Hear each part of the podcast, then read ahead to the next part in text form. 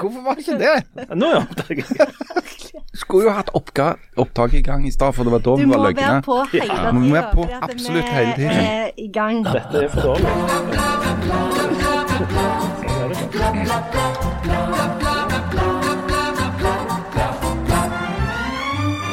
Vi skal ikke brenne noen koran, men Jan vil gjerne brenne likestillingsloven. Regjeringens koronastrategi kan brennes.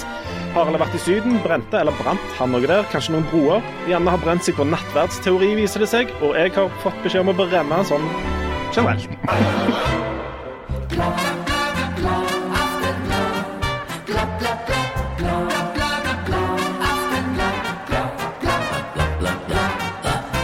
Hjertelig velkommen til Aftenbladet. I vår egen lille regjering har vi da likestillingsminister Jan Sahl. Hjertelig velkommen til meg sjøl. Takk skal du ha. Eh, så har vi eh, landbruk- og sydminister Harald Birkevold. Eh, Hola, hola. ¿Qué tal? Og så Hæ? Hvordan går det? Okay. Jo, det går greit. Greit oss. Um, og så har vi kirke- og undervisningsminister Janne Stigen Brangsholt. Hvordan går det med deg? Nei, Usj. Hva?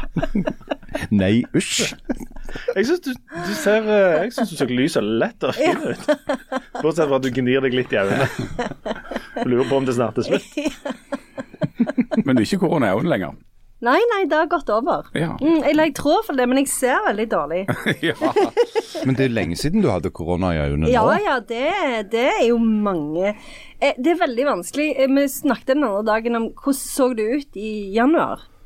Ja. Øynene eller verden? Ja, begge deler. Å, eh, fordi at jeg begynte å tenke på at Harald drev og avlyste 17. mai hele tida. Eh, og da måtte vi begynne å tenke på hvordan var det de første Var, hadde- var det hjemmeskole? Altså alt er bare en, en sånn grå dis. Jeg klarer ikke å legge ting i rekkefølge eller noen ting lenger. Og så ser jeg litt dårlig. Ja. Ja. Jeg må i vann i øynene hele tida. Det høres eh, litt ut sånn som når Harald For du er nettopp kommet tilbake fra Syden. Det er korrekt. Ja, hadde du òg litt vann i øynene og litt uh, ringt for å plassere ting i rekkefølge og den slags når du var der nede? Jeg ofte frem, altså, Når det begynte å dra seg i hop fram mot leggetid, så hadde jeg litt vann i øynene, ja. Og, og ofte litt problemer med å sortere ting i rett rekkefølge. Du døgner ikke. Er du galen? Jeg er jo en voksen mann. Jeg går og legger meg tidlig, sånn at jeg er klar og får med Jeg husker vi lo litt av det, fordi at hun sjøl, som jo er en del yngre enn meg, hun hørte seg sjøl plutselig si en kveld der vi satt Ja, skal vi ikke komme oss i seng litt tidlig, så vi får litt ut av dagen? så kikket jeg på henne og sa det var det jeg som skulle sagt. så lo vi litt av det, da. Ja. Men dere lo litt av at dere ikke lo av det første gangen, sant? For dere det. sa det på alvor. Ja, og sa det på alvor, så ble det litt stilt, og så begynte vi det. Ja. Eh, Hjemme hos oss så har vi stadig diskusjoner om eh, hvordan vi ligger an eh, sånn med tanke på, på båsdunkene. Vet ikke om dette Jo, jo, jo. Hvem, Hva for en farge det er. Ja. Og hvor lenge det er til. Om det er både den brune og den grønne. Ja. Og hos oss er det også, går det òg et sånn lettelsessukk gjennom huset når det, når det er denne restavfall, for det har vi funnet det er favorittdunken. Og så snakker vi en del om det, da. Det er den beste Ja, dunken. For de andre de er litt sånn hm. Men det er viktig, viktig å få tømt den resten. Kan jeg få krangle litt på det? Ja, Hjemme hos det, er- hjemme hos oss hva er er det det du ikke krangler på? For sånn? absolutt ingenting. Hjemme hos oss er det nå nemlig papirkrise. Altså, det er papir i dunger og hauger og pappøsj og dritt og lort. Vi, vi, vi lurer på når egentlig den papirdunken sist ble tømt, og om den noensinne kommer til å bli tømt igjen. For vi driver og fyller opp rom med papir nå. Det er en Ja, gang i måneden. Det er òg papirdunken som er mest kritisk for oss. Så dette, det er alltid noen som må stå og hoppe i den der papirdunken. Og alltid når jeg gjør det, så er jeg litt ustødig, og så er jeg redd at jeg skal dette over den. Og så vi, kan vi ikke legge skjul på at du er veldig, Men har ikke dere en nabo som- du har jo ikke noe vekt. Har ikke dere en nabo som er litt sånn eh, begynt å komme litt opp i året og er mye på sånn avlasting på sykehjem og sånn? Eh, jeg pleier å jeg pleier å legge det hos hun da. Hvis det er, jeg har noe litt, litt mye. Ja, men er det vel egentlig ikke Er det lov? For av og til må jeg legge eh, eh, sånn eh, matavfall hos naboen når de har trylt ut sin dunk, og det føler jeg alltid er egentlig Mm. Når du har sånn trilt ut dunken, Ja. da er det free for all. OK. For det har jeg nemlig gjort på papirfronten igjen. Dette med at vi sliter med papir, det sier vi at det er vi som leser Ja, og er de akademiske Dere er mye på IKEA, mener du? Ja, vi er de intellektuelle i denne podkasten. Dere hiver mye bøker. Eller de er mye på Ikea. sannsynligvis. Kan dere ikke bare sette fyr på de bøkene? Det er jo uh, hot, hot shit. Slipp det blitt gjort før, det- iallfall? det- ja. Det er jo en greie, ja. Det, nå er det jo sånn uh, åpent nordisk mesterskap i idiot uh, her. Og det er jo mange Kampen om førsteplassen der er jo usedvanlig I dette rommet? Nei, ja, her òg, for så vidt. Men, men, jeg tenkte på disse koranbrenningene som begynte for noen uker siden, og som nå eh, Det er noen som prøver å holde i live da, fram til i alle fall til 1. mai. Det sprer han sprer seg som ild i tørr koran.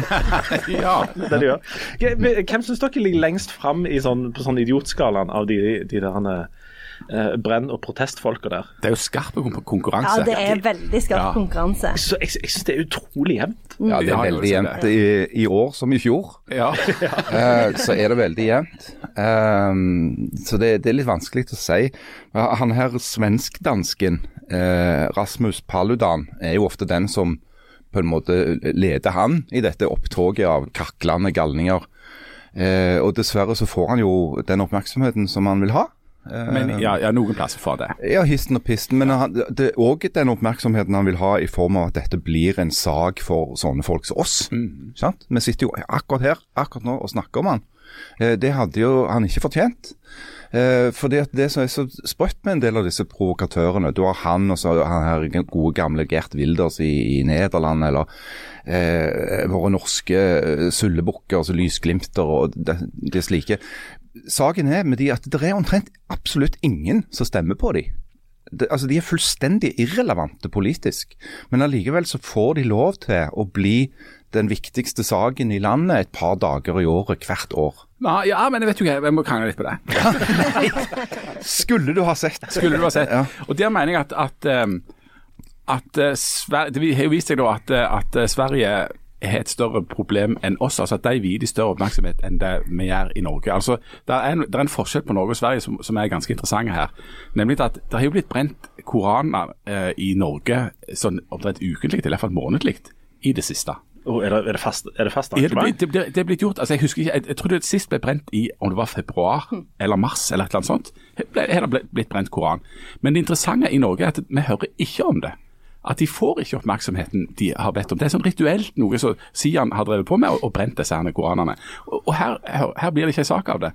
Um, og, og, og bare for å rydde liksom i det prinsipielle, at det er innenfor ytringsfrihetens ramme. Det er lov å brenne en koran, det er lov å brenne en bibel, det er lov å brenne bøker. Det er jo uelegant, og det er klin kokos, det er idiotisk og alt det greiene der. Men som vi har snakket om mange ganger før, ytringsfriheten er det òg ikke minst for å beskytte de idiotiske utsagnene.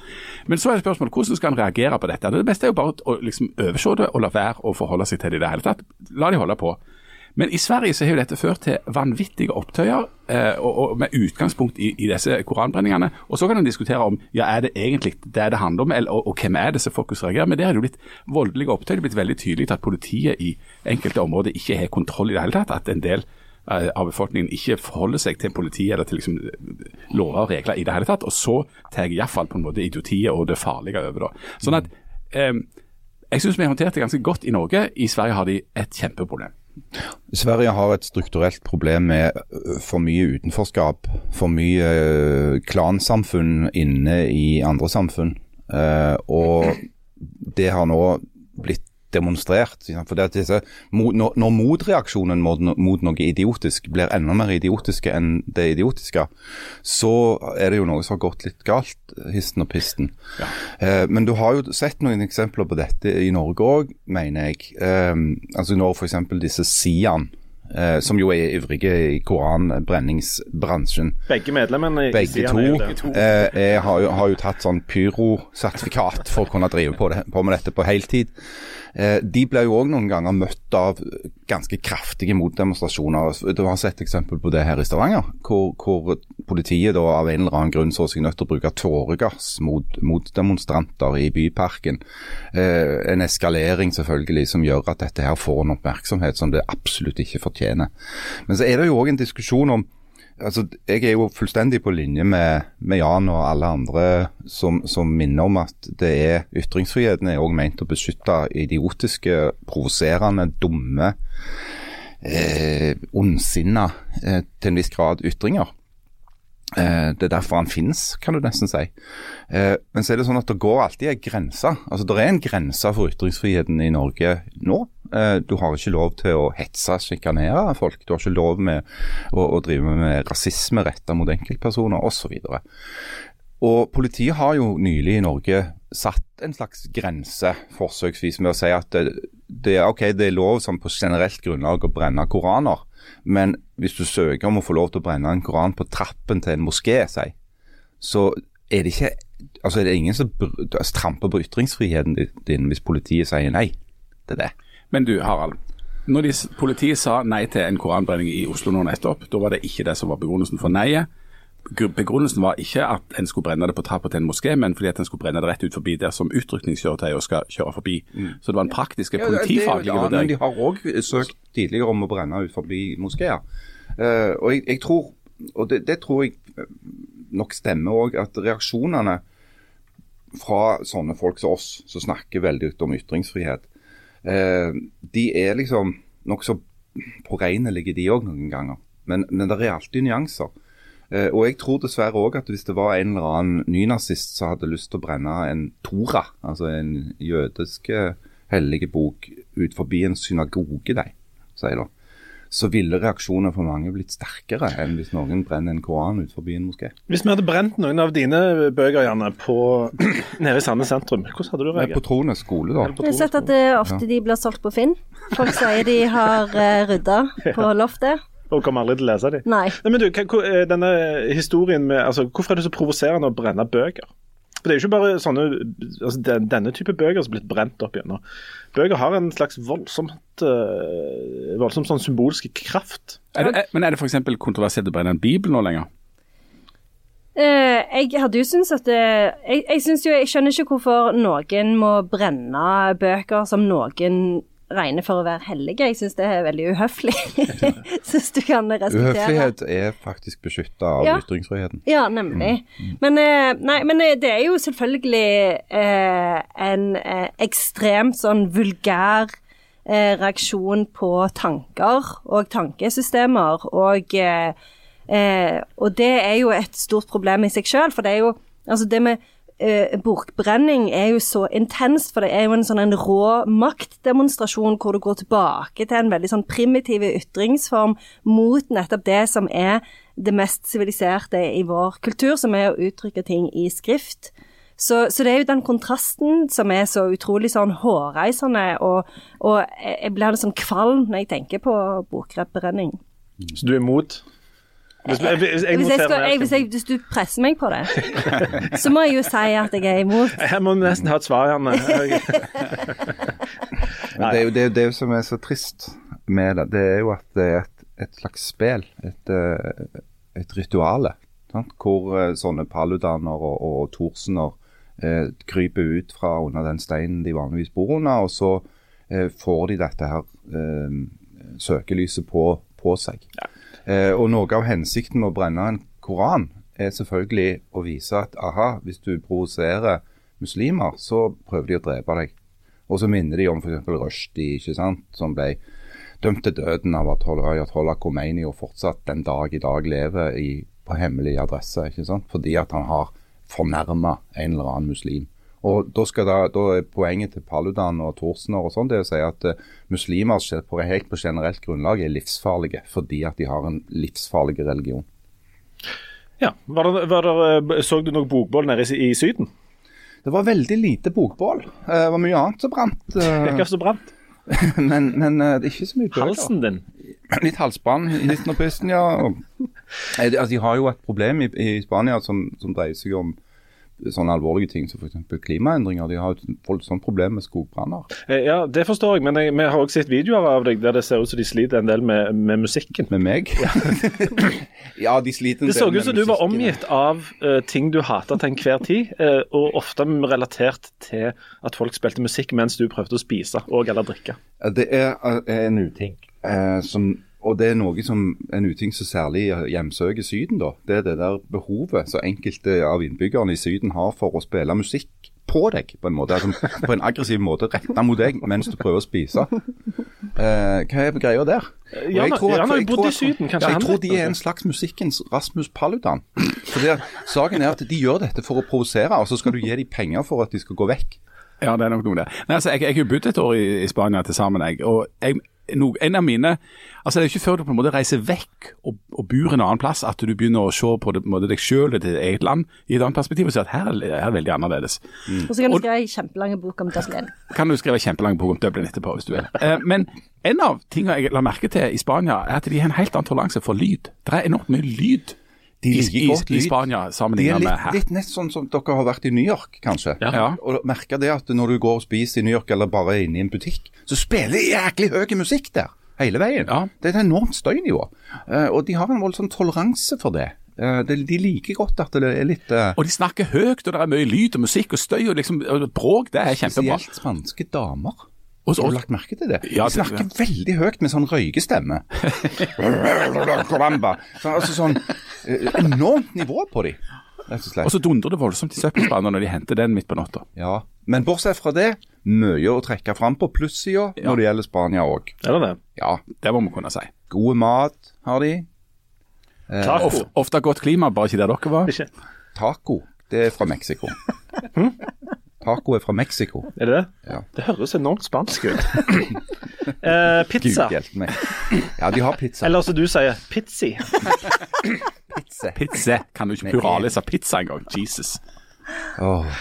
Ja, de har taco Men pizza. hva slags mat har de i Spania? Ikke det, eller er det mer sånn type eh, barbecue? Det er barbecue, pizza, taco. Pasta. Vi har alle de tingene der. Vi har det. Pasta. Jeg har spist alt det du sier nå Ja. mens jeg var i Spania. Det var det som fant opp hamburgeren. Eller sånn Jeg var når, selvfølgelig på en italiensk restaurant i Spania.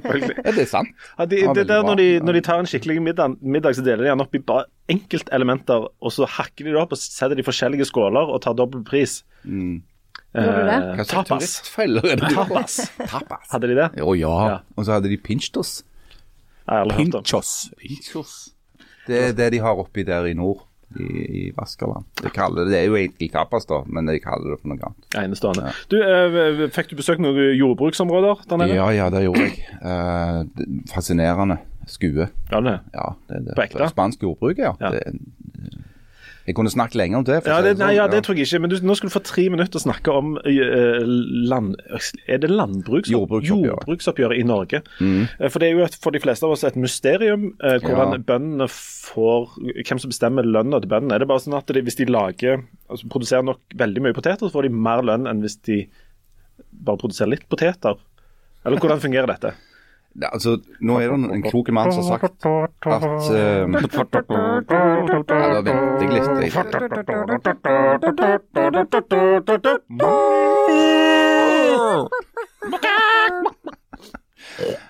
Eh, Det er en klok mann som har sagt at det er bare to personer som forstår uh, jordbruksoppgjøret. Det er eh, ekspedisjonssjefen i Landbruksdepartementet og Gud. Og de er ikke helt sikre på Gud. Men lenge var ekspedisjonssjefen alltid Harald Grue, men jeg tror de Det bytta nå. Ja, jeg lurer på om han kanskje har fått sånn AFP, eller kanskje evig, evighetens AFP, for alt jeg vet. Men uansett, eh, jordbruksoppgjør har vi hatt i Norge siden 1950. Det var første gang.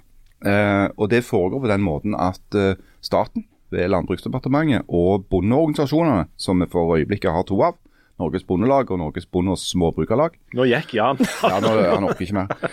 Eh, de setter seg ned og blir enige om en ramme da, for dette oppgjøret. Hvor mye penger staten skal eh, betale. Eh, og Det som er litt spesielt, det som skiller jordbruksoppgjøret fra oppgjøret f.eks. i industrien, eh, det såkalte frontfaget, det er jo at bønder er selvstendige næringsdrivende. Sånn at du, du kan nesten sammenligne det med at alle de som driver en eller annen Narvesen-kiosk i Norge, sier, hadde forhandla sammen om, med staten om hvor mye de skulle tjene på det. For en, en, en bondegård, et, et gardsbruk, er jo en liten bedrift som har inntekter og utgifter, og så skal de forhåpentligvis gå i pluss. Eh, Men det som gjør norsk landbruk spesielt, ikke kjempespesielt, for de har lignende modeller mange andre steder, i de fleste EU-land f.eks., det er at eh, landbruket får tilskudd. Du og meg betaler skatt, eh, og deler av den skatten går til å subsidiere i gåseøyne eh, norsk landbruk. Fordi at vi ser i Norge at med vårt klima og vår bosetning, så, og vårt lønnsnivå, ikke minst prisnivå, eh, så ville det ikke vært mulig for norske bønder å konkurrere med f.eks. tomatbønder i Spania, hvor de har sol 300 dager i året. Hvis du er tomatbonde på Finnøy, så har du ikke det. Nei, det, Eh, nei, det har du ikke. Det er òg vanskelig å konkurrere med prisen på importert stor, eh, storfekjøtt fra eh, Latin-Amerika eh, eh, hvis du er norsk storfebonde. Så Derfor så blir norsk landbruk støtta da, eh, på visse områder. Eh, det som er spesielt i år, er jo størrelsen på kravet fra landbruket. For landbrukets organisasjoner og mange bønder, som f.eks. Aftenbladet har fortalt om, opplever nå en slags perfekte storm av eh, negative nyheter. Ekstremt høye dieselpriser, og mange landbruksbedrifter bruker mye diesel. Enorme strømutgifter. Mange som har eh, drivhus har jo opplevd eh, en enorme prisvekst på det. I tillegg så går råvareprisene opp. altså Kraftfôr blir mye dyrere. Og kunstgjødsel. Sånn kunstgjødsel blir mye dyrere. Sånn at bøndene opplever nå at de har utgifter som ikke blir matcha av inntektene i det hele tatt. Og mange bønder vurderer å slutte. Men eh, jordbruksoppgjøret handler det eh, utelukkende om, om å eh, forhandle om størrelsen på subsidiene som bøndene får? Nei. Det Søren, jeg håpet vi var ferdige. Men, men altså, rammer for oppgjøret, og det er det som er det krukset. Det er det som gjør at det er bare var han grue og Gud. Skjønte du? For det, det er ekstremt komplisert. Eh, vanskelig å sette seg inn i for legfolk hvordan eh, dette her er innretta, hvordan det slår inn for den enkelte bonden. Men det som er essensen, og det som er, kan være greit for folk flest å vite, det er at i år så er rammen på det kravet fra jordbruksorganisasjonene kjempehøyt. Mangfoldige milliarder kroner. Og det som alle er spent på, er jo nå om en regjering hvor Senterpartiet sitter med finansministeren, kan være i stand til å levere noe i nærheten av det som bøndene forventer.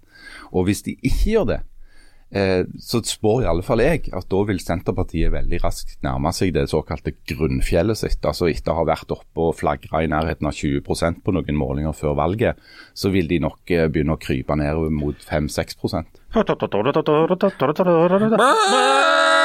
Er det ikke nærmere 6% allerede? Ja, ok, da Er ikke folk de veldig sinte? Ja. Men eh, et spørsmål der. Er det nok bønder igjen i Norge til å holde Senterpartiet Altså, Svaret på det er nei. nei. Eh, altså For det første fordi at ikke alle bønder stemmer Senterpartiet. Det er en myte. Eh, det er Høyre-folk? masse bønder som stemmer Høyre eller SV eller Rødt sikkert til og med, og Fremskrittspartiet. Og det er forfall. Det er forfall. Kristelig Folkeparti, det er jo kristne bønder òg. Men ikke Venstre? Venstre, jeg tror ikke når det, Jo, det er en og annen sånn økobonde, en som egentlig har, har 40 millioner i formue. for Nei, jeg vil ikke kalle det, jeg vil ikke kalle det bonde, det der. Nei, jeg han vil ikke kalle bonde, han heller på noe helt annet. Vi kaller det små og mellomstore bedrifter. Ja, ja, ja. Jeg sitter med, med å slegge hånd- og fotmaling, det er ikke bonde. Men det er klart at mange vil jo si at det som skjer i verden, og med råvarekrise og krig i Ukraina, elendighet, har jo på en måte demonstrert viktigheten av at vi har en slags selvforsyning av mat i dette landet. Uh, og hvis vi skal få til det med det klimaet vi har og den konkurransesituasjonen, så må de jo gjøre et eller annet med økonomien i landbruket. Og det er jo ingen, ingen som vil bli bonde. Uh, nå har eh, tal, Vi snakket litt sist om uh, hva folk skulle bli, og Ja. denne, disse Og nå har vi fasiten. Nå har vi fasiten, og nå vet vi hva folk vil bli. Og vi kan vel konstatere at bonde er ikke helt på topp. Heller ikke eh, engelsk, Janne, dessverre. I år heller. Det sier du, men eh, på de uoffisielle listene Ja. så ligger engelsk veldig høyt oppe. Vi har, noe, okay. vi har noen andre lister som vi har fått tak i sjøl. Nei, men eh, folk skal og, og vi snakket om at alle måtte bli ingeniør. Um, Ja, og, i og sykepleier snakket vi om, og alle måtte bli lærer. Det viser seg at alle skal bli Toller. Altså I, i Stavanger, på Universitetet i Stavanger så er det toller som er det mest populære studiet. Du må ha sekser i omtrent alt Ja. for å bli toller. Men det der er vel bare tre plasser, er det ikke det? Hvor mange plasser er det på det var 20. tolv? Ja, okay. Og Jeg er veldig skremt av det der. for det at Hvis det er sånn nå, at alle de som blir tollere nå, de har sekser i alle fag, det blir jo faen meg helt umulig å smugle. De er jo så smarte, vet du. De, de, de, har, de vet hva du tenker før du har tenkt det sjøl. Hva må du ha for å komme inn på fariseer, da? Jeg husker, altså, men toller og synder og fariseer, er det det samme? Nei. Det er Det er tre forskjellige, er det, det er tre helt forskjellige utdannelser. Er det det? Ja, Hvis du skal bli fariseer, så må du først ta Hva var det du sa, du må ha bachelor i farisé? Kan farisé? Ja, og så, Og så- og så må du jo ha lete ofte påbygg. Påbygg, ja. Riktig. I synd. Nei, synder kan du Nei, du vel bli ha- bare på folkehøyskole, Ja, tror jeg. og det er jo på en måte grunn altså, Det er det som ligger i bånn for alt. Ja, Du må ha påbygg i dobbeltmoral, iallfall. Ja, det det må du. Hvis du har grunnfag i synd, så kan kan du bygge på Du kan på òg ha praksis. ja, ja Som, du kan jo eh, ha ja. vært lærling, for Du kan f.eks. ha vært lærling i ja. Komme inn på yrkeserfaring og hoppe over, faktisk. Men hvis du har grunnfag i synding, så kan du jo bli både toller og fariseer. Ja, ja. Og så bygge på de to forskjellige greiene. Det kan du, men det er ikke så mange som gjør det. Du Men kan òg ta altså, synding som en praktisk utdannelse. Og så kan du skrive et brev til korinterne hvis det kniper. Ja, Det er jo et eget mellomfag. det er jo galaterne som er klageinstans hvis du ikke kommer inn. OK, alle de som hang med. Don't get me started om galaterne. De der galaterne, altså. Der har du en gjeng. de De er tjukke i hodet. De er fader meg tjukke i hodet. Hvor mange brev var det de trengte for? Minst to. Altså, korinterne, og, og ikke minst tessalonikerne. Ja. Ja, de hadde, jeg hørte at tessalonikerne hadde litt eh, tungt for det. ja, de var ikke helt med. Og du skriver med enormt stor bokstav hvis du skulle skrive brev til, De trengte veldig lang tid. Ja, ja, ja. Måtte ha det inn med teskje. Ja. Hva var det vi snakket om? Nei, jo. Det vi Ok, det vi egentlig skulle snakke om, var at folk ville bli Altså, toller er blitt et veldig sånn Men, men det er jo et Men dette er jo i Stavanger. ja, og, og et veldig lite eh, studie som Ja. der Men det er veldig mange som eh, tar juss. Ja, det er jo juss. Folk vi trenger flere advokater. Og juss er så vanskelig å komme inn på nå. Eh, fra 2019 til eh, 2020 så gikk det jo opp med tre poeng, eller noe sånt. Og så gikk det opp 0,3 fra 2020 til 2021. Og det er jo fordi at eh, en har ikke hatt eksamen på to år. Så derfor har jo snittkarakteren på alle disse studiene gått opp. Altså, Jeg kjenner flere som er advokater, og jeg kan ikke forstå at det kan være vanskelig å komme inn på. Nei, men det var jo før. Var det, jo ikke så, det har alltid vært, eh, lenge vært vanskelig å komme inn på juss, men nå er det jo helt utrolig vanskelig. Men hvis det stiger med 0,3 hvert år, kommer- nå er det over 6 nå, da? Nei, nå er det, eh, hva er det, fem, eh, i Bergen så er det vel 5,53 eller noe sånt. Det jo, det Og i Oslo så er det jo vel enda vanskeligere, tror jeg. Men, men, men det er helt, altså de, de store tallene for eh, søkinga denne gangen er jo at søkertallene går voldsomt ned. De går jo ned med 23% eller hva det var for noe. 19. 19% ja, men sant, altså det går veldig ned. Uh, skulle, og, og Samtidig så har det jo aldri vært flere tilgjengelige studieplasser. så det, Alt dette skulle tilsi at det var lettere å komme inn enn noensinne. Så, så en femtedel av, av ungdommen som tidligere har søkt, har altså nå ikke søkt på høyere utdanning, så de har tydeligvis tenkt å gjøre noe annet. Jeg vet ikke hva de har tenkt å gjøre. Nei, men det er vel ganske lett å få jobb. Uh, for tida arbeidsmarkedet ser vel ganske bra ut. Hvis du bare har videregående. Ja, altså det er lettere å få jobb nå etter videregående enn det var bare for noen år siden. Men jeg tror det er mange som skal ta sånne såkalte friår. altså De skal jobbe litt, skal reise litt, skal gå på folkehøyskole, skal gjøre et eller annet sånn dilldall og koble litt av ifra det der. med- Det holder jeg med i. Ja. Ja, jeg, for jeg har, snakket, har også hørt noen som mente at det en, en sånn koronaeffekt på litt lang sikt her, ved at mange eh, sitter med den følelsen av at de har ikke fått lov å gjøre noe. Så er de innlåst, så er det for seg sjøl. Og når Så det er innelåst. Ja. Ja. Du, du snakker om dine unger nå. Nei, men, ja. Det var, Er ikke det vanlig?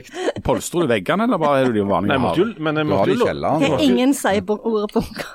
det er ikke jeg måtte jo låse fra utsida, for ellers så, så sleit de seg. Nei, men Hva, hva er det med Ikke ord? snakk om det. Hva var det? Jeg gikk bare sa det. bunker. Hva er det med det ordet? Ikke snakk om bunker. Men trenger ikke alle- Folk er innlåst i bunker. Ja, og alle våre diskusjoner trenger ikke ende opp i forhold mot Hitler, tenker jeg. Ja, det er Nå skal vi snakke om utdanning. ja. Og så blir det plutselig Hitler litt. Hva var Hitler utdanna? Kunstmaler? Kunstmaler, litt Han mislykka. Nei, utdannet, Han var jo ikke utdannet som kunstmaler. Han Han hadde ikke noen formell utdannelse. Da kan han ikke være med i fagforeningen. Å, var verken fariseer eller altså, Han var fenrik en periode. Var han det? Ja, fenrik, ja. Korporal. Korporal var det. Ja. Korporal. Fenrik er mye mer høyt på strå. Ja. Hva var det egentlig vi snakket Jo, vi snakket om, ut vi snakket om utdanning. Ja. Eh, der er, der er altså færre søkere. Og så er det, eh, for å snakke for Universitetet i Stavanger, så er det jo grunnskolelærer ja. Som er øker mest. Ja. Eh, og det er jo en bra ting. Ja, det er veldig bra. Samtidig som vi skriver sånne ja. saker om at uh, folk som har vært lærere i ca. tre kvarter, har funnet ut at det, det er noe drit, så de slutter. Ja, det må vi ikke snakke høyt om. Det syns jeg vi kan bare la ligge. Og så var jo Samtidig så var jo dette sykepleier voldsomt i skuddet nå i et par år, når det var voldsomt eh, sykepleieroppmerksomhet. Det har gått ned med 23% søkning, og der tror jeg det var. Og der var 23 ned. Ja, for de hadde ikke lyst til å jobbe på en sånn koronaavdeling. Vi har bare sett bilder av sånn sykepleiere som griner. Ja, i som år, ikke sant? De griner, så har de sånn streker i fjeset til de der maskene. Men de fikk de jo, ha og det. det til tross for at de fikk 30 sekunder med Applaus. klapping Ja. den ene gangen. Ja, Ja, ja, ja. De må skjerpe seg. Altså, herlighet, så skal ikke, være- skal ikke det bety noe det lenger. Men noe av det som klippet- vi absolutt klappet jo til og med for postmannen en dag. Det gjør ikke jeg. Eller, si- altså, vi klapte for de, og nå spytter Ja. de oss i Ja, fjeset. mm, Kan vi takk si det skal sånn? dere Ja, men De spytter jo rett i de sånn en maske, de sånn masker framfor, så det blir bare et jækla griseri inni maska. Så det hjelper ikke. Men noe av det som er absolutt minst populært, det er språk og litteratur. Norsk, nordisk, der sliter de i Stavanger med å få nok folk. Og det samme på engelsk. Og der underviser jo du, eh, Janne. Eh, Det er masse, Hvorfor- masse folk som tar engelsk. Det er jo mange som folk som tar lektorutdanning. Ja. Sant? Og da altså, da må de òg ha litt engelsk. Nei, de kan velge, og mange velger det. Meget interessant studie. Men jeg, jeg, jeg, jeg, Vi lo! Å, vi lo! eller som de sier hos de Very interesting study. Ja. Men du, et, et seriøst spørsmål før vi tar pause. Eh, Er det sånn at du som jobber på universitetet, at det er en voldsom kamp om å på et eller annet vis være populære eller i vinden eller i skuddet på disse eh, forskjellige retningene? da? Folk som jobber på universitetet er, er ikke så opptatt av å være populære. Vi er opptatt av enten komma, Ted Hughes Semikolon. Sånne ting. Kumulative vendinger i Ja, tysk. og så, ja, eh, hvis noen, hvis vi kan holde på med det, og helst ingen forstyrrer oss, så er vi kjempefornøyd. Dette med transitive og intransitive verb når det gjelder brant og brente koran, er det et tema som dere snakker mer om enn Nei, det er ingen som Folk har ikke lyst til å snakke om For det, de, vi er veldig redd for å bli distrahert fra det vi holder på med. Men, Så men hvis du holder på med komma, så har du ikke lyst til å snakke med noen som holder på med semikolon. men, men, Der kommer verbgjengen! Gjem dere! men tingen er at det som jo er problemet til sånne som Janne, er jo at de får ikke lov å holde på Altså Sjansen for at de skal få sitte og holde på med komma til et Huge i fred, avhenger jo av at det er noen som faktisk vil studere dette. og Derfor er det et problem for universitetet Ja. og for de humanistiske fagene og for en del sånne ja, estetiske fag, en del fag som ikke er så populære. da. For Hvis det ikke kommer studenter der, så vil ikke gjerne få lov å sitte og studere Nei, Det er jo Men- så men- synd men med det er jo disse moderne måter å styre Ja, det er. Ja, men det er jo, men det er jo, har jo blitt en endring her òg, og vi snakket jo om det i forrige episode. Men det er jo Før var det jo sånn at når du skulle ta engelsk, f.eks., så tok du det jo som en del av en selvstendig grad hvor du ble kan mag eller kan filol til slutt. Men nå er det jo sånn at det, som regel så er jo disse eh, fagene en del av en lektorutdanning. Sånn at det, det er jo eh, sånn at hvis du skal bli lektor, så kan engelsk være en av de nyttige fagene å ha som undervisningsfag. Og nå skal vi ta en liten pause. Og så skal vi komme tilbake, så skal Jan avskilte likestillingsloven. Vi skal snakke litt om den der koronarapporten og resten i smågodt. Vi er snart tilbake.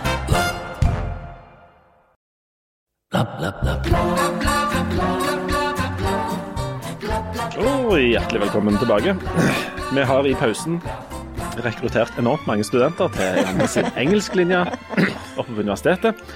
Eh, og vi kan lokke med at det er Altså, dere kan lære nye ting. Det er nye, Mange nye ting, men Ja. i new things. Dette med I am, you are, he, she, it is. We can teach it to you. I can English, I. Yeah. I am a girl. I am a bag. Of shit. OK. Um, det, vi klarer ikke 30 sekunder før det sklir ut. Vi kan ikke snakke om det. Og, og bunkere. Nei, jeg, for jeg sa jo at vi ikke skulle det. Ikke si, ikke si bunker. Ikke si Nei. bunker. Derfor snakker vi ikke om bunker. Um, derfor, har, eh, derfor går vi over til Jan, som har kommet opp fra bunkeren og har bestemt seg for at likestilling, det trenger vi ikke lenger. Vær så god, Jan. Mange takk. Jo, nei, skal du høre. Du har skrevet en kommentar om likestillingsloven. Ja, jeg har skrevet en kommentar om likestillingsloven i torsdagens utgave av eh, Aftenbladet. Den finnes også på nett. Um, og Den har utgangspunkt i at regjeringa skal sette ned et nytt mannsutvalg. Uh, det var jo et mannsutvalg for mange år siden uh, under ledelse av Jens Stoltenberg, men nå skal de sette ned et nytt. Og Det har utgangspunkt i Hurdalsplattformen og i at uh, de nåværende regjeringspartiene vil ta et nytt blikk på dette med likestilling. Og um, det er jo sånn at Norge er et av verdens aller mest likestilte land, nummer to på den rangeringen som jeg ser på, og det er kjempebra. Hvem er nummer én? Saudi-Arabia? Island. Island. World Economic, Economic Forum sin, sin ranking så er Jeg Island nummer én, meg. og så er Norge nummer to. Og det er kjempebra. Det er veldig, veldig bra. Og det er sannsynligvis et resultat av likestillingsloven som ble eh, innført i Norge i 1978. Um, der står det eh, at, en, at en skal ikke diskriminere mot, altså på basis av kjønn og sånn som dette er, og så står det en setning som sannsynligvis er logisk når du tenker på hva som var situasjonen likestillingsmessig i Norge på 70-tallet. Sånn at etter at de ramste opp at ja, vi skal ikke diskriminere på kjønn og sånn som dette, så står det loven tar særlig sikte på å bedre kvinners stilling. Um, det er jo ikke akkurat en kjønnsnøytral setning, men det er nå det som står, og det er veldig logisk ut ifra sånn som det er. Og så er det sånn at Nå er det gått ganske mange år. Eh, situasjonen er en helt annen. Eh, Norge er som sagt verdens nest mest likestilte land. Og så fikk vi i 2018 en ny likestillingslov som tok opp i seg fire andre tidligere lover. Der står det en voldsom oppramsing av alt det som ikke, altså hva som er formålet med dette. altså At en skal eh, hindre diskriminering på, eh, kjønn, graviditet, permisjon, fødsel, eh, adopsjon. altså En hel drøss med ting. Og så står det definert hva som menes med likestilling. altså At det er like muligheter og like rettigheter. Og så pussig nok så kommer det et tredje avsnitt som jeg mener bør fjernes. Der står det da at loven tar særlig sikte på å bedre kvinners og minoriteters stilling. Loven skal bidra til å bygge ned samfunnsskapte funksjonshemmende barrierer og hindre at nye skapes. Det mener jeg bør ut, fordi det, det, det motsier jo det som er lovens formål, nemlig at du skal forskjellsbehandle eh, basert, folk basert på personlige forhold. Hvis du skal, så, så sånn logisk så, så, burde det ikke stå der i det hele tatt. for det, Du sier først at du skal ikke diskriminere, du skal likebehandle, og så plutselig kommer et avsnitt som diskriminerer og ulikebehandler basert på kjønn. Men hvis du skal se sånn praktisk og politisk på det, sånn som en gjorde på 1970-tallet, altså ser på hvem er det som på en måte har behov her, så er det sånn at hvis vi da skal gå tilbake til høyere utdanning f.eks., som vi har snakket om nå. På 70-tallet så var det sånn at 60% av studentene i høyere utdanning var menn, og 40% var kvinner. Det ble sett på som et likestillingsproblem. Det er jeg helt enig i. I dag så er det helt motsatt. I dag er det 40% menn og 60% damer, og ifølge Statistisk sentralbyrå så kommer den forskjellen til å øke. Samtidig som Norge er et av verdens mest likestilte land, så er vi mest, et av de mest kjønnsdelte på utdanningsmarkedet. Og Det starter helt i grunnskolen. Gutter har systematisk dårligere karakterer enn jenter. Sannsynligvis mest pga. oppførselen sin, ikke fordi de har lavere IQ. Den forskjellen følger de hele veien oppover. Hvis du skal se hvem som kommer inn på juss og på legestudiet og på alt dette her, så er jo det da hvis, hvis, guttene i snitt har en karakter dårligere enn jentene, og det er langt færre gutter som har klart å fullføre videregående, så kommer ikke de inn på disse plassene. Vi kommer til å ende opp med kun kvinnelige tollere og fariseere, det er det du sier? Kvinnelige tollere, fariseere, leger, psykologer, alt dette. sant? Filistere. ja, I tillegg så, så, så, er det sånn at nå topper men en hel drøss med negative statistikker. Og Derfor mener jeg at vi skal ikke, det er ikke sånn at nå skal vi slutte å, å tenke på liksom kjønn og kvinne og alt, alt det der, men nå, nå, er det på tide å ha en kjønnsnøytral likestillingslov som altså ikke sier at det er bare ett spesielt kjønn eller noen spesielle minoriteter som skal favoriseres. At likestilling det er noe som skal gjelde for alle. Likebehandling skal gjelde for alle, også med altså lik, Likestillingsloven bør ifra nå av handle også om menn. Så du vil ikke bytte ut uh, at den skal handle særlig om kvinner, til at den skal handle særlig om menn. Nei, ikke bare, der, sant? nei, bare ta det vekk, sånn at det er faktisk en, en lik lov. Sånn at vi er opptatt av kjønnsulikheter både når det rammer kvinner og når det rammer menn. En må se på hvor er det dette rammer kvinner, hva slags område er det kvinner trenger en ekstra innsats på, hvilke områder er det menn. Hvorfor er det stort sett bare menn som dør i arbeidsulykker. Hvorfor er det eh, to tredjedeler av alle som tar livet sitt i Norge er menn? Hvorfor er det menn som dominerer på, altså innenfor sosialhjelp og trenger det? Hvorfor er det menn som både utøver og er i størst grad offer for vold? Hvorfor er det stort sett bare menn som sitter i fengsel? Og hvorfor lever vi ti år kortere? Seks år kortere. Men, men, hvorfor lever menn seks år kortere? Hva henger det sammen med? En av de viktigste forklaringene på at menn lever seks år kortere, er den manglende utdanningen. Jeg lever i hvert fall ti år kortere. Ja, du kjenner. Etter å ha sett uh, Instagrammen din og vår etter du har vært i Spania, så syns jeg det er nokså selvforklarende. Men la gå. Er det en, er det en god idé dette å, å oppdatere denne, denne, loven og ta vekk denne paragrafen om at den særlig skal er tiltenkt kvinner? Ja, det tror jeg. Eh, fordi at ja, for, Fordi det Jan sier. Vi skulle hatt uh, Hvem andre kan vi spørre om dette? Nei, det er vel ingen her i dette rommet, men Janne, det, det, kjenner du noen vi kunne ringt? Nei, eh, du, eh, dette er en lov som ble skrevet på 70-tallet, sant? Kom igjen. Det går kjempefint, syns jeg. Emma. Er du veldig sliten? Jeg kjente jeg fikk vondt her. Nå uttegger seg eh, Vondt i hjertet? Tenk du. Ja. Men det, ok, En lov som er skrevet på 70-tallet, eh, bærer han litt preg av eh, å være skrevet på 70-tallet, og bør han oppdateres, sånn som Jan sier? Jeg syns jo at det, For det første så, så, er det jo sånn at det, selv om Norge er det, nest, det landet med nest mest likestilling i verden, så betyr jo ikke det at vi er et likestilt land. Eh, og eh, jeg, jeg syns at det er veldig viktig. sånn så jeg, jeg tenker ofte, veldig ofte på Margaret Atwood sin eh, roman 'The Handmaid's Tale'.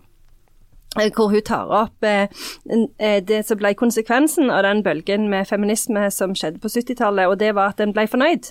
At en ble liksom Ja, men nå vi, har vi jo nådd likestilling, så dette, dette, trenger vi ikke tenke på lenger. Og så eh, skjer det jo en sånn total omvending, fordi at alle er liksom bare fornøyd, og ingen på en måte jobber for, for likestilling lenger.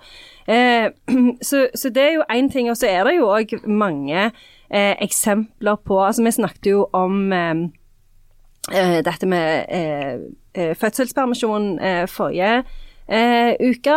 Og, det er jo noe som NRK har tatt opp denne uka, og mm. peker på dette her med at eh, den tredelingen har ført til at veldig mange kvinner tar eh, ulønna permisjon etter at permisjonen er over, og kvinner jobber jo i deltidsstillinger i mye høyere grad enn menn.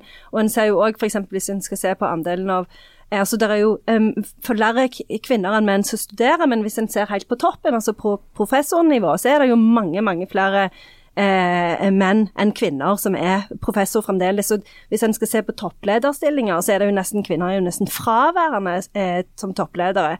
Så det, jeg tenker at det, det, er jo ikke sånn at kvinner liksom bare cruiser gjennom livet mens menn eh, eh drikker seg i hjel og banker opp eh, konene sine. Men, men, eh, men, jeg, men jeg syns jo at Nei, men sånn i forhold til det som Jan sa, med at menn sliter mye mer psykisk, kan det tyde på. Men jeg syns jo men, men, poenget med likestilling er jo det som Jan sier, poenget er jo likestilling. poenget er jo at menn og kvinner skal bli likestilt, og at en skal se på hverandre som mennesker heller enn kjønn, først og fremst. da. Det var jo det Mary Wollstonecraft eh, argumenterte for i Hvem var det som argumenterte På slutten av 1700-tallet, når hun skrev et forsvar for kvinners rettigheter, så sa hun dere ser ikke at vi er mennesker, for dere ser bare kvinner. Og det er jo veldig lett å bli distrahert ja, det, av det er, det. Eh, det er mye som skjer. Ja, det er mye, eh, mye Jeg prøver å ikke greier. se på deg mens vi snakker, fordi at jeg blir så veldig distrahert. Mm. Uh, jo, Harald, hadde du en kommentar til dette? Du som er kommentator og alt. Ja, Eller kan jeg, jeg stille deg et spørsmål ja, som er litt mer konkret? Spørsmål, så svarer jeg bare på det jeg hadde tenkt å si uansett. Ja, vi har snakket litt om, om høyere utdanning. Ja. Som du nevner, Jan, sier jo nå um, de store tallene er 60-40 i kvinners favør, og det er økende. og Særlig på en del uh, tunge sånn profesjonsstudier så er damene i stort overtall. Hvor, hvor, mye, altså Hvordan skal de tallene se ut for at vi tenker at det, nå er vi der? Uh, bør vi være på bør alltid siktemålet være 50-50? Bør vi se altså, Hva skal vi være fornøyd med? Altså Ideelt sett så skulle det vært 50-50. Det må i hvert fall være sånn at hvis det er et problem at det er 60-40 i den ene retningen, så er det et like stort problem hvis det er 60-40 i den andre retningen. Altså Hvis vi skal være noenlunde konsistente. Samtidig tror jeg det er totalt utopisk, og det er jo en feilslått politikk i norsk sånn likestillingstankegang, at det skal være 50-50 i absolutt alle fag, i absolutt alle sammenhenger. At, eh, at en, altså, en må på en måte være åpen for at gutter og jenter velger forskjellig, de har forskjellige interesser. De må få lov å gjøre det de vil, men sånn i stort så burde det jo ha vært eh, nærmere 50-50 enn 60-40. Eh, mm.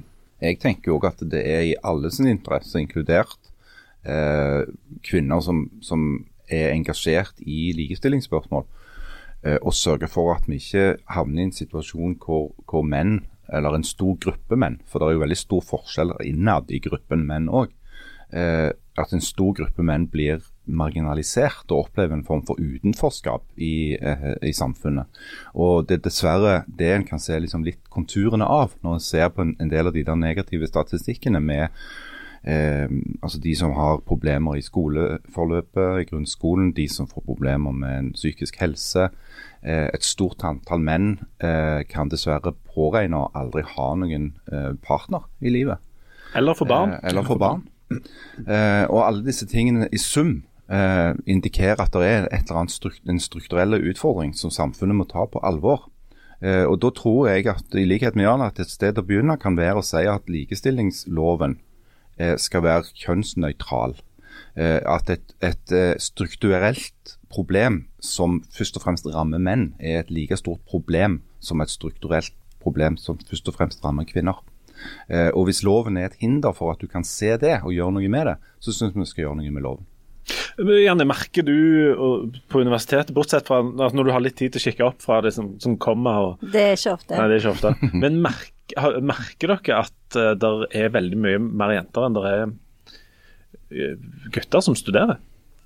Mm, det er jo sånn, så det hadde vært ja. rart hvis ikke dere la merke til det. Ja, eh, ja, det er jo sånn, men jeg, eh, det, jeg syns det er jo interessant. Sånn så på, på min avdeling så var det jo eh, ved eh, I et par ansettelser så, så, så eh, oppfordra vi jo menn til å søke, fordi vi merka at vi var litt for mange kvinner på avdelingen, f.eks.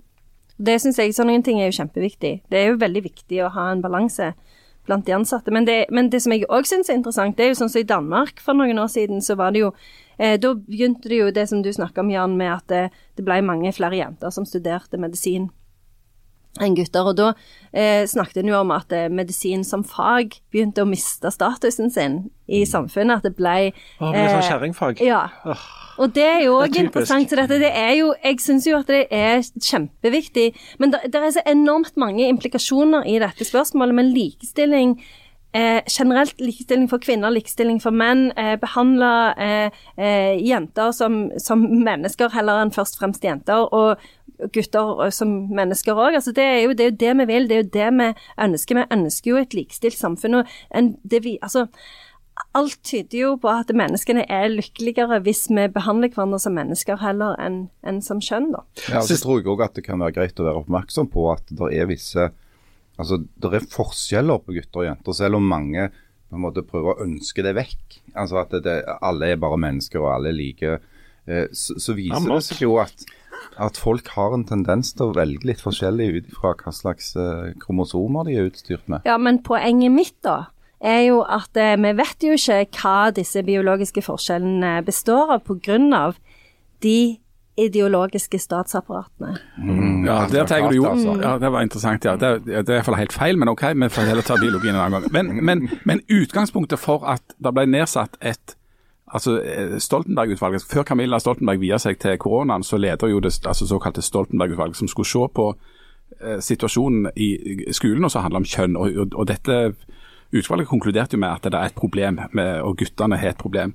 Og Utgangspunktet for det, og for, en for et mannsutvalg og for en ny tenkning rundt dette, her, er jo ikke fordi at det, at det liksom sånn skal favorisere menn, altså at, at menn da på bekostning av damer skal liksom sånn rykke forbi, eller et eller annet sånt. Der. Men det er jo fordi at, som Harald sier, det er et samfunnsproblem hvis det er, hvis det er store grupper av menn som faller utenfor og faller igjennom. Det er for liksom hele samfunnet sin del og for liksom Norge sin del, så er vi da i trøbbel, rett og slett. Ja, det er jo dyrt òg. Hvis folk skal, skal havne på Nav eller i fengsel eller trenge omfattende helsehjelp, eh, så er det jo klart at det, det er i alle sin interesse at disse tingene blir eh, tatt på alvor. Men og vi risikerer jo å få sånne store sånne manneforsamlinger som stiller på torget for å brenne Skipper Vorse eller en eller annen Så bok. har du det Hva gående. bok sant? kunne vært passelig og brent i en sånn Tenk hvis han da der Paludan hadde fått eh, liksom litt mer hjelp når han var liten, så hadde vi gjerne sluppet dette tullet. Ja. Hvis noen hadde lest for han.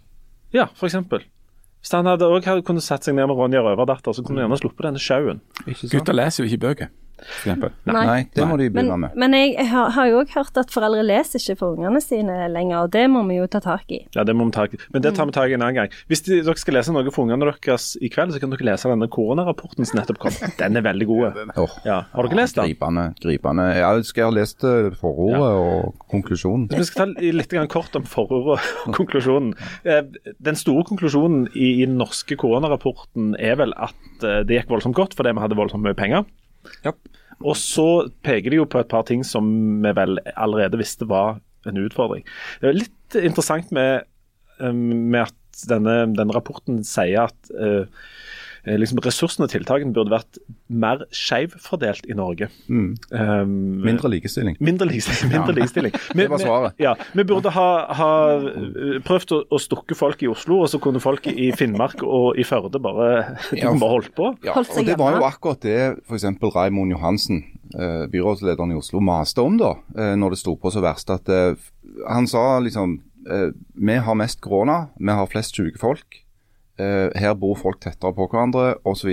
Gi mer av vaksinene til oss, sånn, sånn prosentvis. da. Og så sa han nei, f.eks. ordføreren i var ikke Ålesund som var Molde. ute, Molde, og babla i vei.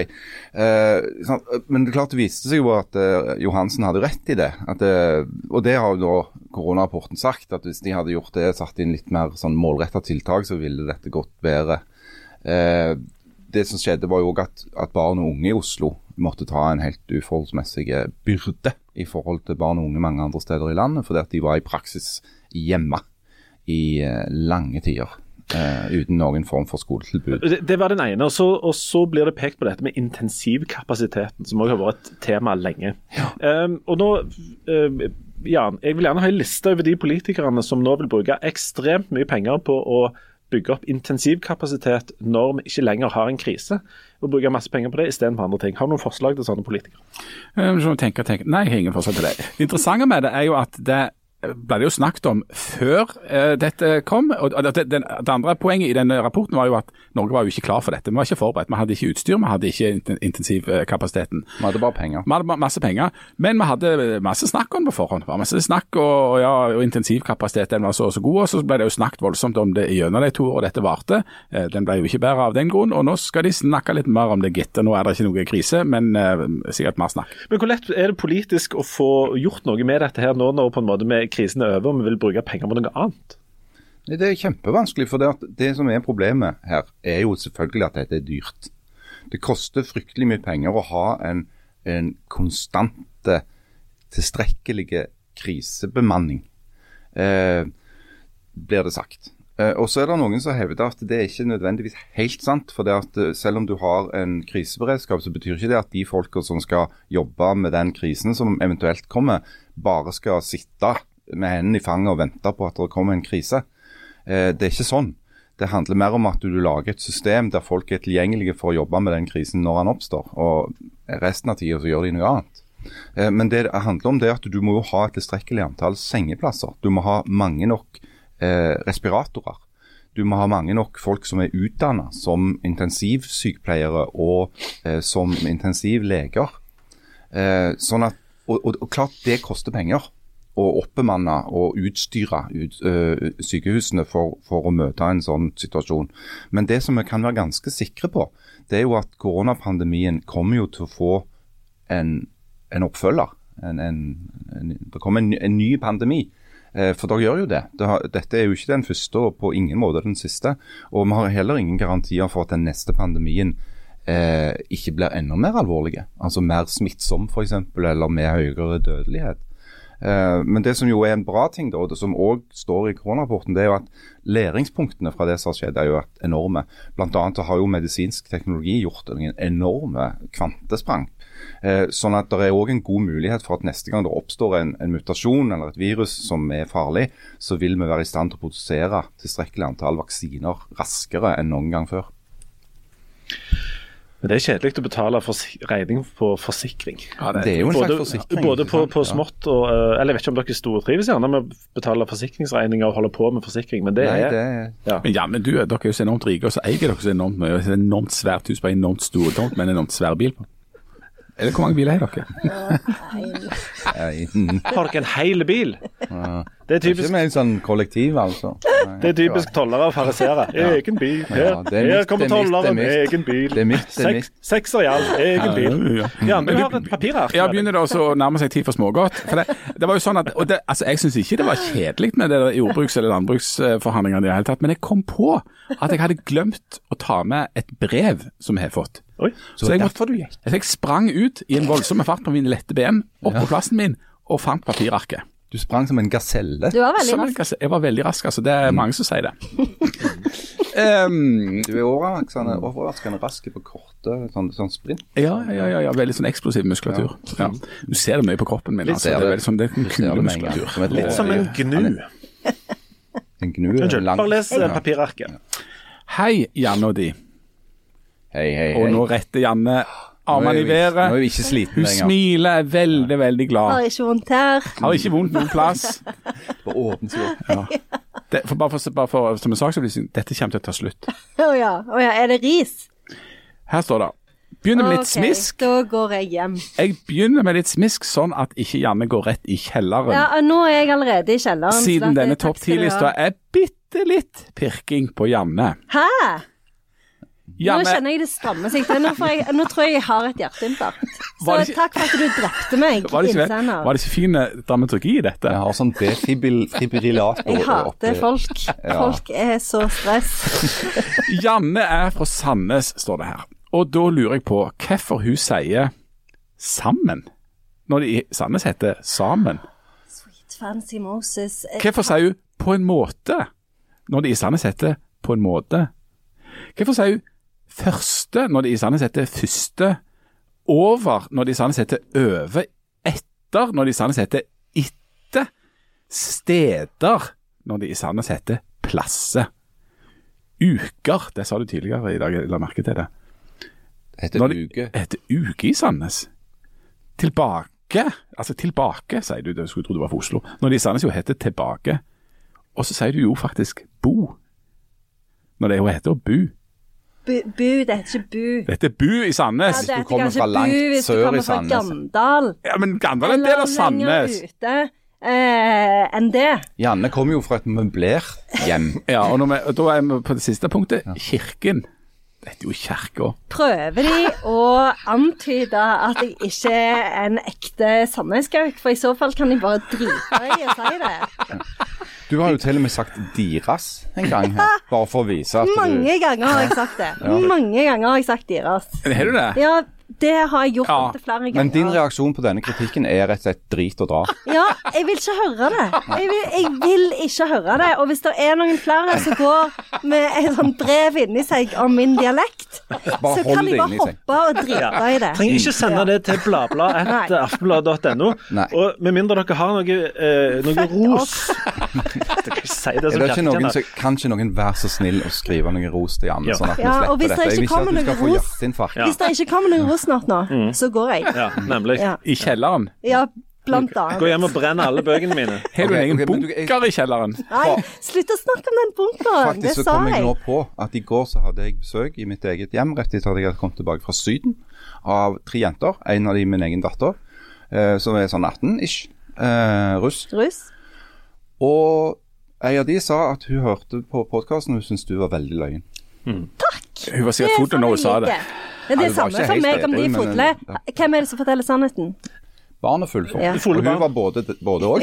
Ja, nei, hun var jo edru. Hun var et fullt barn. Nei, det, det, det, all, den, Og er ultimate, mest, mest voksen og er helt edru. den ultimate sannheten får du av uh, fulle unger. Og de, og de kan du skjenke med nattverd. Vi snakket om nattverd sist uke. Ja, om dette med ros. Ja, Nei, ja. ris, Nei, nei, nei, nei, Eh, nei, det er faktaopplysninger. Okay. Dette er oppklaring. Ja, ok. Eh, for vi surra jo litt med om det var alkohol i denne, i denne mente ja. Eller at det burde ja, vi visste jo at det ikke var det her. Og vi hadde jo nesten ikke fått eh, spilt inn denne episoden før uh, journalistene i Vårt Land uh, pliktskyldig sendte e-post. Eh, ja. Så altså uh, bl.a.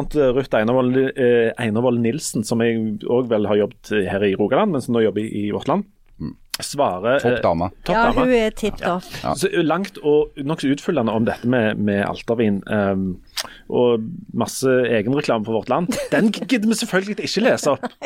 For vi regner med at alle lytterne abonnerer på vårt land fra før av. Men vi tar litt. Grann. Hun skriver bl.a.: Slik Harald er inne på, kan vin til nattverd i Den norske kyrkja enten inneholde alkohol eller være avalkoholisert. Det er opp til hvert enkelt sokneråd å bestemme. Oh, ja. I regelverket Bare hold dere Følg med. sitter vel i sokkene? Ja, gjør det. Så nå ser jeg nye muligheter. I regelverket 'ordning for hovedgudstjeneste' heter det at kolon, hvilken som helst type ren, vanlig druevin, hvit eller rød, kan brukes til nattverden. Hvit? Det kan også brukes avalkoholisert vin av hvilken som helst type. Men det skal jo Jesu blod, kanskje? OK, men et ett spørsmål. Ja. Kan du bruke champagne? Det, Oi. Ja. det står her hvilk, Jeg skal lese det igjen. Champagne Hvilken som, helst, hvilken som helst type eh, ren, vanlig druevin. Du kan ikke bruke sånn skjeden, unormal Nei, nei, druevin. det Nei, nei. Ikke. Men du kan bruke hvit eller rød, og dette er, helt, dette er banebrytende. Dette er Dette helt ny hadde jeg aldri visst. På de litt vanskelige søndagene går det an å bruke whisky. Det er ikke drue. Det er ikke drue. Men du, jeg mener å huske at det sto et, at det var ett poeng til at jeg hadde noe rett i noe, for en gangs skyld. Hold kjeft, du skal si noe som handler om at jeg hadde rett i noe en gang. Ja, da kommer mer. Eh, eh, hun spør, spør også på en fun fact. Uh, eh, Kirkene er, hold dere fast, unntatt kravet for skjenkebevilgning. Og i prinsippet dermed òg aldersgrensa. I alle dager! Så. Den norske kirke er den eneste som med loven i hånd kan skjenke alkohol til unger. Dette er jo Dette, dette er jo en brannfakkel av de Fulle barn. Masse sannhet. både rød og vin. Ja. Nei, rød og vin. Ja. Rød og vin. Rød og vin. Rød og hvit. Rød og vin, rød og vin gjør det fin.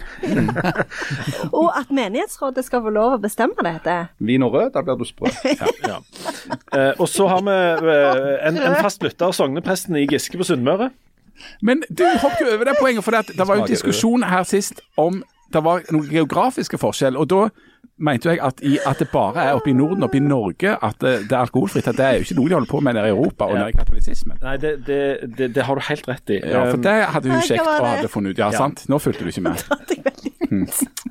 Men vi har et lite latter. Hva var det det var? Hva var, det, var det lov med alkohol? Var det ja, det du sa, Jan hadde rett. Ja. Det, altså, det er mer alkohol jo lenger eh, nærmere Syden du kommer, jo mer katolsk eh, Det merket jeg veldig godt forrige uke, ja. Ja, for det var mye alkohol der nede Ja. i Syden.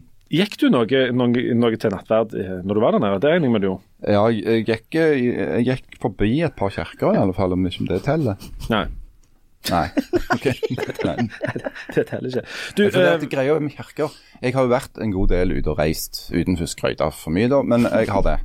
Og eh, en stund så hadde jeg det med at jeg alltid gikk inn i sånne kirker, fordi jeg tenker ja, der står han, fine, det går an å gå inn i han og se. Men de er basically helt like alle sammen. ja, Jesus er der. Eller ikke. Eller Eh, men uansett så er de mer eller mindre like. Den eneste kirka som har Nei, to forresten. Det er to kirker i verden som har virkelig slått meg til marken og imponert meg stort. Den ene er Peterskirken i Roma, den andre er Sagrada Familia i Barcelona. Uh, ellers er det nokså mye kjedelig. Altså. Det, vi tar med en siste om, om dette med nattverd fra en forrektig prest. Oh, ja. Eh, Sogneprest eh, Benjamin Anda på Giske. Som i parentes skriver 'Ikke pastor Auda, som salige Sal kalte meg sist'. Skjerp deg. Han, han skriver òg om dette med at eh, det er faktisk opp til kirkene sjøl å vurdere om de vil ha det som jeg da kaller rød lavin. vin. Ja. Um, du skulle vært bartender, du. Ja, Skal ja, det skulle eller jeg. har god greie på vin. Jeg klarer, trenger ikke mer enn en tre-fire minutter på å se om det sier om det er rødt eller hvitt. Eller vin. ja. Eller vin. Men han, denne sognepresten skriver De mer høgkjerkelige av oss, alle som skriver om vin, skriver på nynorsk uansett. Eh, litt sånn skapkatolikker. Vil argumentere for bruk av alkohol i vinen. Eh, her vil vekta være på at en skal bruke de elementet Jesus sjøl brukte og knytte løftene sine til. Så det er dette Jesus sier noe om i innstiftinga til nattverden, gir dette til minne om meg, altså alkoholholdig druevin. Det vil han ha. Et annet poeng er, skal være at vinen i det bibelske språket er noe som symboliserer det himmelske og det gode. Og da Det kan det ikke jo være alkoholfritt. Ja, det er jo ikke sånn alkoholfri vin. Nei, det, Samtidig som en advarer mot utskeiinger eh, av, den, Av den typen- været. Ja, ja. av den typen som til dømes herr Birkevold, kanskje særlig, innimellom har vært representant for. Nei, kanskje annet enn å gi eh, posten rett. Ja, ikke sant. Ja. Men nå vet vi i hvert fall det. Det er opp til de enkelte eh, dette, dette er spennende. Spennende Men jeg, nyheter. Men også, jeg vil òg vite om du gjerne klarer å få inn um, Altså gå ifra f.eks. alkoholfri rød til tung alkoholiserte hvit vin. Tror du hadde fått gjennom det? Ja, Jeg syns jo at det er, ved noen anledninger, f.eks. 17. mai, så burde jo kanskje vært litt eh, champagne i nattverden. Er champagne regnes det som vin? Altså er det en Ja, ja, ja, ja, ja, ja. vin. Det er en druevin. Akkurat. Jeg trodde det var mer i retning spreit. Sprite. Eller sånn urge. Det er hvitvin, bare at den har gjæra sånn at det kommer De til bobling. tilsetter litt sukker, så gjør han en gang til. Og det var alt vi hadde i spalten Nytt om, nytt om nattverden i dag. Da er, vi, da er vi rett og slett ferdige. Jeg hadde Ja, jeg tenkt hadde en anbefaling. Har du en anbefaling? kom igjen. Ja. Eh, For jeg begynte å se på eh, den der serien eh, Bad Vegan. Har dere sett den? Nei. På eh, Netflix. Bad, hva Er det- Vegan eller vegan. vegan? Vegan, altså veganer. Og det er sånn oppfølger til Terje Vigen. Ja, det er det òg. Jeg trodde var sånn danske Ja, det er bad weekend. Bad weekend, liksom. weekend. Men det er bad vegan, altså som i kosthold? Ja, eh, fordi eh, jeg så klipp og syntes han så litt sånn kjedelig ut, men så hadde vi ingenting å se på. Så begynte jeg å se det er en dokumentarserie i fire deler som handler om ei som drev en sånn ekstremt eh, eh, eh, go god restaurant i New York, hvor liksom alle stjernene gikk og spiste, og så gikk det bare skikkelig ad undas, fordi hun traff en sånn en galen mann. Han minner litt om den der eh, Tinder-svindleren. Ah, Eh, litt sånn 'enemies are everywhere', men veldig veldig fascinerende og gøy, eh, så jeg anbefaler den. Forresten, når jeg var i Barcelona nå forleden dag, så så jeg en dyrebutikk som solgte veganske hundemat. Tenkte jeg OK, hvis ikke dette er et endetidstegn, så vet ikke jeg. Hva vil du si, eh, bare sånn helt avslutningsvis, hvis du skal ta fram et høydepunkt og et absolutt bunnpunkt når du var nede i Syden? I Syden? Ja. Jeg vil begynne med høydepunktet, sånn at vi kan avslutte med bunnpunktet. Og det er ikke lov å bruke ord som bunker. Nei. Jeg vil si for min del, i og med at jeg er jo litt mer enn gjennomsnittlig interessert i mat, eh, så var nok et høydepunkt Det var tacoen, ja. En tacoen. Nei, det var en, en, en plass som heter El Nacional, som ligger i, i Barcelona. Et steinkast fra Plaza Catalonia.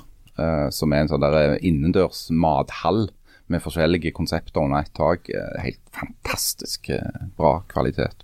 Utrolig. Helt enormt bra. Eh, det absolutte båndpunktet ja men du kan ikke ta alle båndpunktene, men ta absolutte båndpunktet.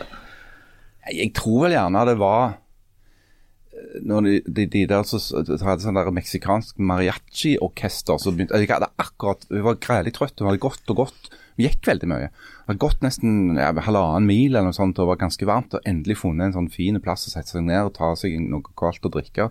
Akkurat fått noe, og så begynte det der greiene. Det var ikke så bra. Men når du Så- kom tilbake til Gardermoen og fikk deg en salat til 279 kroner Ja, ja men det, du spurte om i Syden, men det, det verste med hele turen var jo Gardermoen, selvfølgelig. For det, på vei ned så klarte vi å unngå Gardermoen. Du fløy til København, mye bedre. Eh, selv om København òg er helt forferdelig. Eh, men kom tilbake igjen, måtte via Oslo. Eh, forferdelig sted, det der Gardermoen. Og så var Gralle sulten, for jeg hadde ikke spist noe siden tidlig om morgenen. Ja, men ta et eller annet her. Og så var det altså su- superdeal. 249 kroner for en bitte liten grønn smoothie, og så en elendige iskald salat inni en plastikkboks. Tenkte jeg ja, OK, velkommen til Norge. Der har du det. det det er er jo- forskjellen. Kulinarisk svindel. Det er så nedtur å stikke innom Gardermoen. Maten på flyplasser, særlig ja, Gardermoen. Ja, fordi at det, Det er også, du, for du, du, det er alltid feil retning òg. Som du er kjører liksom så- bortover når du skal jo Gardermoen er liksom så jækla usentralt. Ja, det er så Dette må Det vi er ha. ikke engang i nærheten av Oslo. Nei, det er jo Dette må vi ha- Jeg vet ikke hvor det er. Vi burde satt av en egen episode til dette. Det, Ja, er- det det er sånn straff. Ja, faktisk. Det er alle det som er skal i Oslo. At, Ja. Bare for å gni det inn. Ja, det er dere må innom et det der drikkested. Forbanna Gardermoen. Og så må dere, og der må dere sitte og vente. Og sannsynligvis, og så må du gå i den der enormt lange gangen. Og Så må du plukke ut kofferten din igjen. De straffer oss som kommer fra Sola med å sette oss i denne dritlange gangen. Hva heter den, gaten? den verste. Den innerste den der gangen. er ikke det. B? Det- Ja, Det er noe annet. sånn. B-gangen, Kan- er ikke det? Kan noen av dere som uh, jobber f.eks. på Stortinget, uh, uh, sende oss en e-post på Ja. bladbladet.aftenblad.no og, og fortelle Forklar. om den gaten? Ja, hva er den verste gaten på Gardermoen? Ja. Forferdelig. Og så når du kommer da og har flydd til Oslo, så lander du, og så må du gå liksom om Forsand og Tonstad for å komme inn til, til der som bagasjen og sånt er. Og så kommer du ned der og så Å ja, du skulle til Oslo, ja? Ja, nei, da må du ta dette toget som koster like mye som flyet. Fordi at vi er ikke på- i Oslo nå. Nei, nei. nå er vi på Røros. Vi skal ja. jo Så velkommen til oss. Og vi skal først til Lillestrøm. Ja. Så går du ned på den der perrongen, og der er det jo alltid minus 38 Ja, grader er og en kolossal vind. Så har de vind. bygd den sånn som er fungerer som en sånn vindtunnel. Ja, så du står så får du sånn, om du ikke er skjegg engang, så får du istappa i skjegget så henger ned. Og du ser ut som Bjørn Dæhlie etter veldig kort tid, og i den grad du klarer å bestemme deg etter at du blir stivfrossen, så stavrer du deg inn der. Er det sitteplass der? Nei. nei, nei. er Der må du stå. Der må du stå, så må du prøve å balansere koffertene. Ding dong. Og du vil av toget? Nei, vi stopper ikke før i Drammen med. Å ja, nei, nei, nei, det kan vi ikke hjelpe Og du prøver å si noe. Nei, her er det stillesone. Her er det stillesone, og stille spørsmål til verten. Nei, ikke Talk to the hand. Talk to the hand, det er stillesone. Gå vekk. Å ja, du vil ha litt narkotika, ja? Ja, nei, det har vi. Det er det eneste lyspunktet. OK, vi må gi oss. Ja. Vi, vi, vi, vi må snakke mer om dette en annen gang. Østlandet, altså. Det er en evig kilde til Å. Tusen hjertelig For nå har vi ikke kommet inn til Nei. Oslo engang. Nei, ikke sant? Nei, ja. det er da virkelig begynner. Å ja, du skulle ha hotell, ja. Nei, vi driver med bunker vi. Hvorfor ringte du ikke og bekrefta hotellreservasjonen din? Kommer du etter klokka åtte om morgenen? Å ja, nei, vi har leid ut bunkeren din til en annen så skal... Nå er vi ferdige. Ha det.